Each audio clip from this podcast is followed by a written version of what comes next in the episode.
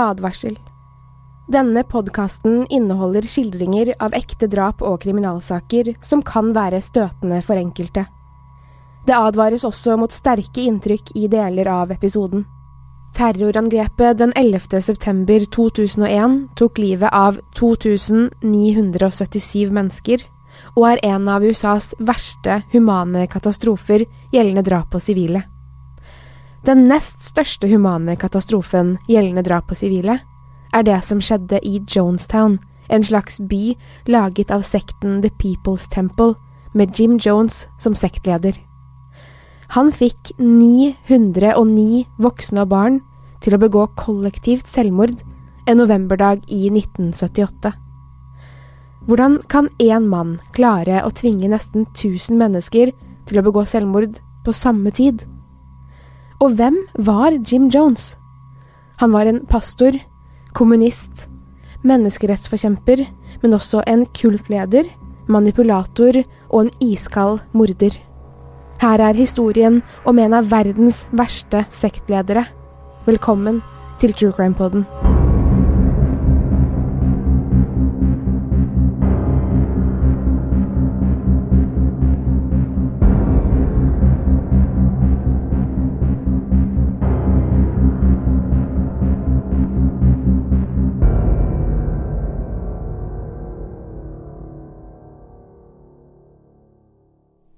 James Warren Jones, eller Jim som han kaltes, ble født den 13. mai 1931 i Indiana, USA. Som de fleste vi snakker om i denne podkasten, var heller ikke Jim sin barndom en god en. Faren var første verdenskrig-veteran, og som følge av det han opplevde under krigen, slet han med store alkoholproblemer. Faren var en såkalt løs kanon som ofte kranglet med naboer, folk han møtte på puber, og tilfeldige mennesker i gaten. Han sloss også, og slo Jim og moren rett som det var. Faren var rett og slett en fyllik, i stor kontrast til sin kone Lynetta, som var lavmælt, forsiktig, men også ekstremt kristen. Lynetta tok alt som skjedde i livet sitt som et tegn fra Gud, og fikk Jim til å lære Bibelen utenat. Jim var også ekstremt opptatt av religion. I området rundt der han bodde, lette Jim opp små døde dyr som han holdt begravelser for. Han prøvde å snakke som i prekenene på radioen, og velsignet dyrene før han gravde dem ned. Dette høres jo egentlig ganske omtenksomt ut, men Jim skal også ha knivdrept en katt som barn, bare så han kunne holde begravelse. Jim Jones vokste opp veldig fattig. Familien bodde i et falleferdig hus uten innlagt vann eller toalett. Huset var ikke isolert, og det rant fra taket hver gang det regnet, og trakk kald luft fra glipper i vinduene og vegger om vinteren. Jim var et merkelig barn med uvanlige interesser. Derfor hadde han problemer med å finne barn han kunne leke sammen med, og hadde egentlig ingen venner. Mange av barna på skolen syntes at Jim var litt skummel, og lot være å snakke med han. Jim var intelligent og gjorde det bra på skolen, og leste veldig mye. Han leste Karl Marx, Josef Stalin, Mao Zedong, Gandhi og Adolf Hitler. Han tilbrakte mye tid på å tolke og diskutere det han leste. Interessen for religion fortsatte, men Jim var også besatt av døden og snakket mye om det med foreldrene sine, hvis de hadde tid til å høre. Særlig mammaen til Jim brukte tid på å snakke om sin kristne tro med sønnen. Jims far hadde sjelden tid til å snakke med sønnen om slikt. Allerede tidlig i tenårene ble det klart at de to var veldig forskjellige. Faren ble nemlig medlem av gruppen Ku Klux Klan og prøvde å få Jim til å interessere seg for den såkalte rasekampen han mente USA var midt oppi. Faren drakk tett og var en slem fyllik. Jim derimot gikk bort fra farens ekstreme meninger om andre raser, og begynte heller å interessere seg for menneskerettigheter og raselikhet. I 1948 møter Jim Jones den unge sykepleieren Marceline Baldwin. Hun er blitt beskrevet som litt enkel og lett påvirkelig, og Jim klarer fort å få den unge kvinnen interessert i seg. Han var høy, mørk og kjekk, og veldig god til å snakke for seg. Marceline faller for den unge, lovende predikanten og gifter seg med han samme år. Bryllupet ble en enkel seremoni med få gjester og lett servering. De hadde nemlig viktigere ting å gjøre enn å feire, ifølge Jim. De skulle nemlig redde verden. Sammen fortsetter de nygifte, herr og fru Jones, å jobbe for alle menneskers rettigheter i samfunnet. Jim tar strøjobber for forskjellige kirker, men i 1951 får Jim fast jobb i en kirke i Indianapolis. Det er her han ser sitt snitt i å bli pastorstudent i 1952. Han ønsker å starte sin egen kirke, hvor alle mennesker, uansett rase, skal kunne passe inn. Jim og kona Marceline får også en sønn. Jim elsker å preke for kirkens medlemmer, og han merker snart at han er veldig god på det. Folk lytter til det han har å si, og de følger rådene hans. Jim blir veldig populær, og mange kommer til kirken for å høre på han. Derfor begynner Jim å drømme om å åpne sin egen kirke en dag. En kirke som skal ha plass til alle. Uansett hvor de kom fra, om de var fattige eller rike, i hans kirke skulle alle være velkomne. Jim snakker med kona om ideen sin, og hun synes det å starte sin egen kirke virker som en god idé. Men som alle bedrifter må man ha startkapital. Jim tar derfor jobb som en dørselger for å skaffe penger til å registrere kirken sin. Han jobber hardt, og som den karismatiske mannen han er, klarer han raskt å skrape sammen penger som skal hjelpe han i å realisere drømmen sin. Jim gjør også ferdig prestestudiene sine. I 1956 møter Jim Jones en religiøs healer han får veldig god kontakt med. Jim og healeren tilbringer mye tid sammen, hvor de utveksler ideer, tanker og meninger om hvordan de skal redde verden. De er bekymret for hvilken retning verden er på vei, og begge uttrykker ønsker om å bedre tilværelsen. Sammen bestemmer Jim og healeren seg for å holde et vekkelsesmøte i kirken Jim nå er prest for. Møtet skulle være for syke og lidende, og mange kommer dit. Jim og healeren utfører bønn med helbredning sammen, en uslåelig kombinasjon. Mennesker av alle samfunnslag møter opp, uansett rase, utdannelse og utseende. Alle vil ha hjelp fra presten som kan helbrede folk. Superkarismatiske Jim Jones får etter hvert forsamlingen til å håpe på en verden der alle er like mye verdt. Ettersom vekkelsesmøtene ble en stor suksess, bestemmer han seg for at han skal holde slike møter mye oftere og ta inngangspenger for det. Flere møter avholdes, og Jim og healeren får syke til å bli friske, døve til å høre og lamme til å gå. I alle fall ifølge dem selv og den alt voksende fanskaren sin. Jim forstår at han er inne på noe stort, og snart klarer Jim Jones å starte sin egen kirke. Han kaller den intet mindre enn People's Temple Christian Church Full Gospel, eller People's Temple, som den til vanlig blir kalt. I kirkens spede start begynte de å jobbe for de afroamerikanskes rettigheter i USA. Rettighetene var på den tiden dessverre ytterst få. De ble behandlet som om de ikke var en del av samfunnet, og det ville Jim ha en slutt på. På grunn av all verdens urettferdighet, som han snakket mye om, begynte Jim å verve medlemmer blant minoritetsgrupper. Han lovte dem en bedre fremtid, og de trodde på han. Mennesker som ikke hadde andre steder å gå, fikk plass hos People's Temple. Folk elsket Jim Jones, og medlemsbasen til kirken vokste seg stor. Han holdt møter oftere enn før for å holde interessen oppe hos folk. Han helbredet de syke oftere, og begynte så smått å drømme om et eget sted, kanskje en egen landsby, hvor kirken og dens medlemmer kunne bo. Men skulle de ha det, måtte de tjene penger. Jim tok etter hvert betalt for møtene og fortalte medlemmene, som for øvrig elsket han, at de ville få frelse om de ga han penger. Medlemmene gjorde alt for han, og alle penger de tjente, gikk rett til kirken.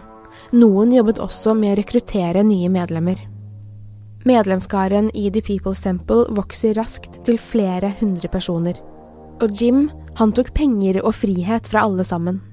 Han begynte å lage regler for hvordan de skulle oppføre seg, hva de kunne gjøre og hvem de fikk snakke med utenfor kirken. Jim hadde også en drøm om at hans kirke skulle bli den aller største i USA, og oppfordret medlemmene sine til å få barn sammen. Og det gjorde de. Jim og kona Marceline ville så gjerne starte noe de selv kalte regnbuefamilie, altså en familie med alle raser. Ekteparet Jones adopterer derfor tre jenter fra Korea, en jente fra den amerikanske urbefolkningen og en afroamerikansk gutt. I tillegg har de sin biologiske sønn, som de faktisk kalte Stefan Gandhi Jones. Så langt har ikke Jim Jones gjort så veldig mye galt, annet enn å ta penger fra mennesker som desperat søker hjelp. Og hjelp, det får de. Jim hjalp faktisk hundrevis av mennesker, men selv om han utnytter deres svakheter, hadde de fått et nytt liv hvor de hørte til en gruppe. Et fellesskap hvor alle var like mye verdt, uavhengig av hvem de var eller hvor de kom fra. Livet deres fikk mening igjen, har flere avhoppere uttalt om starten på People's Temple. Det var lykkelige tider. Grunnen til at Jim Jones kalles en av verdens verste sektledere, kommer nå. For det var det gruppen begynte å bli, en sekt. Lukkede møter, regler for å kunne få være med, utfristning om man ikke gjorde det man fikk beskjed om, eller Gud forby å forsøke å forlate sekten. Det frie samfunnet Jim ønsket, var ikke fritt likevel. De fleste elsket likevel livet på People's Temple fordi Jim hadde gitt medlemmene en tilhørighet og følelsen av å være med på noe stort. I 1967 bestemmer Jim Jones at hele kirken med alle medlemmene skal flytte til California. De forlater derfor alt de kjenner, jobber, venner og familie for å bli med Jim Jones til et nytt sted, i en ny by. Flyttingen av sekten går fint, men det er noe med Jim Jones, noe som folk begynner å reagere på. Han har forandret seg, og prekenene er mer aggressive og kritiske til verden rundt dem. Jim er sint på verden. På starten av 70-tallet begynner han å tvile på Bibelen, og han mener den er både kvinne- og raseundertrykkende. Han bruker mye tid på å snakke om Bibelen med rådgiverne sine, men også medlemmene i kirken, og bestemmer seg etter hvert for å skrive sin egen slags bibel. Fra og med da skulle hans bibel være den de fulgte i People's Temple. Men snart begynner folk i sekten, særlig de som er tett på han, slik som barna og rådgiverne, å merke at Jim begynner å bli gal. Han begynner å få vrangforestillinger om at staten er ute etter han, og holder lange messer hvor han forkynner til medlemmene at han er deres far, frelser og Gud. Han spiller Hillsong-musikk over høyttaleranlegget der medlemmene bor, både dag og natt. Han vekker dem midt på natten for øvelser i tilfelle dommedagen skulle komme. Han lager en plan for hva de skal gjøre om noen fra staten kommer for å inspisere det lille samfunnet de har bygget opp. Folk merker at Jim har forandret personlighet. Han er bare sint og nesten paranoid. Flere medlemmer bestemmer seg for å forlate sekten, men det skulle ikke være lett. Jim har spioner overalt og får vite om rømningsplanene før de får reist, dermed får han stoppet dem. Noen klarer heldigvis å flykte, mens andre blir igjen og får straff for å ha forsøkt å rømme. Selv om Jim og The People's Temple ikke ble et fritt og hyggelig sted for alle folkegrupper, er det flere som slutter seg til gruppen. Snart teller de over tusen mennesker. De som klarte å komme seg unna, forteller om hvordan det egentlig var i det lukkede samfunnet. De forteller annet at Jim jevnlig har sex med medlemmer han mener har Satan i seg, og tror det vil hjelpe for å drive ut djevelen. Han hjelper medlemmer på denne måten flere ganger om dagen, særlig de unge kvinnene. Medlemmene måtte gi fra seg alt de eide til Jim, og han bestemmer at han kan ha sex med alles koner, siden han er Gud. Under de daglige messene han holder, både i kirken og over høyttaleranlegget, bruker han timer på å snakke om seg selv, Gud, djevelen og det onde i samfunnet. Han mener at han er en reinkarnasjon av Jesus, Buddha og Lenin. Jim er blitt fullstendig gal og er overbevist om at hele verden vil ta ham. Medlemmene i sekten begynner for alvor å bli redde for han nå, også de som tidligere støttet han men ingen tør å forlate sekten. I 1977 bestemmer Jim at People's Temple ikke lenger kan være i USA. USA er korrupt, besatt av djevelen og livsfarlig, derfor kan de ikke bo der lenger. Jim mener staten er ute etter ham, og han begynner å bli bekymret for hva som kan skje med alle medlemmene om han blir tatt. Jim kaller seg deres far og tiltaler medlemmene som sine barn. Så sommeren 1977 tar Jim med seg de nesten 1000 medlemmene fra San Francisco til Guyana og kaller byen for Jonestown etter seg selv. Han ønsker å skape et ideelt samfunn uten rasisme, basert på kommunistiske ideologier. I Jonestown bygger de hytter familiene kan bo i, og dyrker grønnsaker for å prøve å leve av naturen. Jim fortsetter å holde lange messer over høyttaleranleggene, både dag og natt. Han gjentar såkalte hellige ord som skal fjerne onde ånder fra stedet, og han driver stedet med jernhånd. Medlemmene blir vekket på natten for møter og prekener, og Jim forteller dem at enden er nær. Folk er virkelig redde for Jim Jones, men ingen kan dra noen steder. De har ikke pass eller ID-papirer, og har gitt alle pengene sine til Jim. De bor midt i jungelen og kommer seg faktisk ingen steder. Flere forsøker etter hvert å dra tilbake til USA, men Jim finner ut av at de prøver å rømme, og straffer dem hardt. Han tvinger barn til å angi foreldrene sine, og sier at det er den største synd å hjelpe noen ut av People's Temple. Det frie samfunnet styres av frykt. Noen medlemmer kommer seg likevel ut, og sammen med slektninger av andre medlemmer danner de en gruppe som de kaller bekymrede slektninger. De går til aviser, radio og TV for å fortelle hva som egentlig foregår i Jonestown. Flere anmelder Jim for voldtekter og brudd på menneskerettighetene. De forteller om seksuelle misbruk, vold, innesperring og psykologisk tortur. Aviser skriver kritiske artikler, og tidligere medlemmer stiller opp i intervjuer i forsøk på å få noen til å gripe inn. Sekten får etter hvert så stor oppmerksomhet at kongressmannen Leo Ryan bestemmer seg for å ta med seg en delegasjon samt journalister til Jonestown for å overbevise Jim om å la medlemmer få gå frivillig. Når delegasjonen ankommer Jonestown i Guyana den 15. november 1978, holder People's Temple en stor fest for gjestene. Folk virker glade, de danser, smiler og virker lykkelige. Til og med journalistene tror i starten at det de tidligere medlemmene fortalte var overdrivelser, men de forstår snart hva som foregår. Folk er livredde, men må late som om alt er fint. I det skjulte får journalistene flere håndskrevne lapper fra medlemmer som vil ut. De trygler om hjelp. De er desperate. Journalistene snakker med kongressmannen, som mener at situasjonen er alvorlig. Han snakker med Jim om at flere ønsker å dra, og ber ham pent om å la dem få slippe å være i Jonestown mot sin vilje. Jim ler og sier selvfølgelig kan alle som vil dra. Han sier at ingen behøver å være i Jonestown mot sin vilje, og later som han blir overrasket over det han hører. Han forsikrer kongressmannen om at alle som vil, kan forlate byen sammen med dem. Men inni Jim koker det. Han blir rasende på medlemmene sine, erklærer seg forrådt av sine egne og tror for alvor at verden er mot han og at dommedagen snart skal komme til dem. Den 18. november, etter å ha vært i Jonestown i tre dager, skal 12–15 medlemmer få bli med delegasjonen hjem til USA. Jim virker rolig og blid, men medlemmene merker at noe er annerledes. Rett før delegasjonen skal dra sammen med avhopperne, blir kongressmannen truet med kniv av et medlem. En anspent stemning oppstår, og kongressmannen prøver å løse situasjonen ved å snakke med de som truer dem, men Jim løser etter hvert situasjonen og lar dem dra likevel. Med et smil vinker han dem av gårde. På utsiden ser han rolig og glad ut, men medlemmene forstår at de nå skal straffes. Mens delegasjonen kjører mot flyplassen, samler Jim de over 900 medlemmene til et møte.